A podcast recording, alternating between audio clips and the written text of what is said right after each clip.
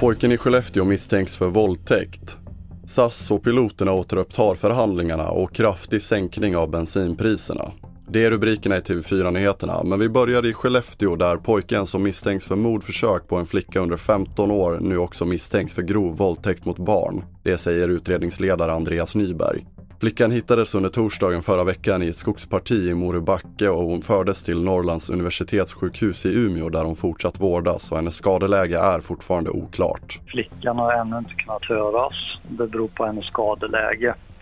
Men närmare besked om eh, hennes skador vill jag inte lämna i nuläget och det beror dels på att jag vill skydda utredningen men också för att det är för flickan integritetskänsliga uppgifter.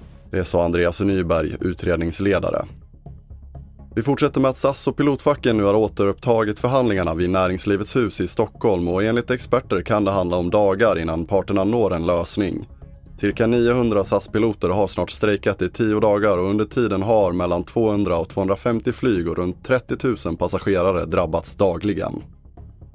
Och i USA fortsätter utredningen om dåvarande presidenten Donald Trumps roll i stormningen av Kapitolium förra året och igår låg fokus på de Twitterinlägg som Trumps anhängare ska ha tagit som en uppmaning till väpnad kamp.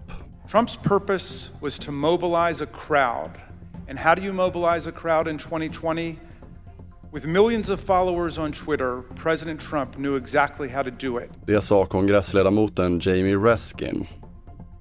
Vi avslutar med att bränslepriserna sjunker. Under dagen så sänks priset på bensin med 80 öre och dieselpriset med 30 öre. En liter 95 oktanig bensin kostar nu 21 kronor och 78 öre medan en liter diesel kostar 25 kronor och 66 öre. Fler nyheter hittar du på tv4.se. Jag heter André Meternan Persson.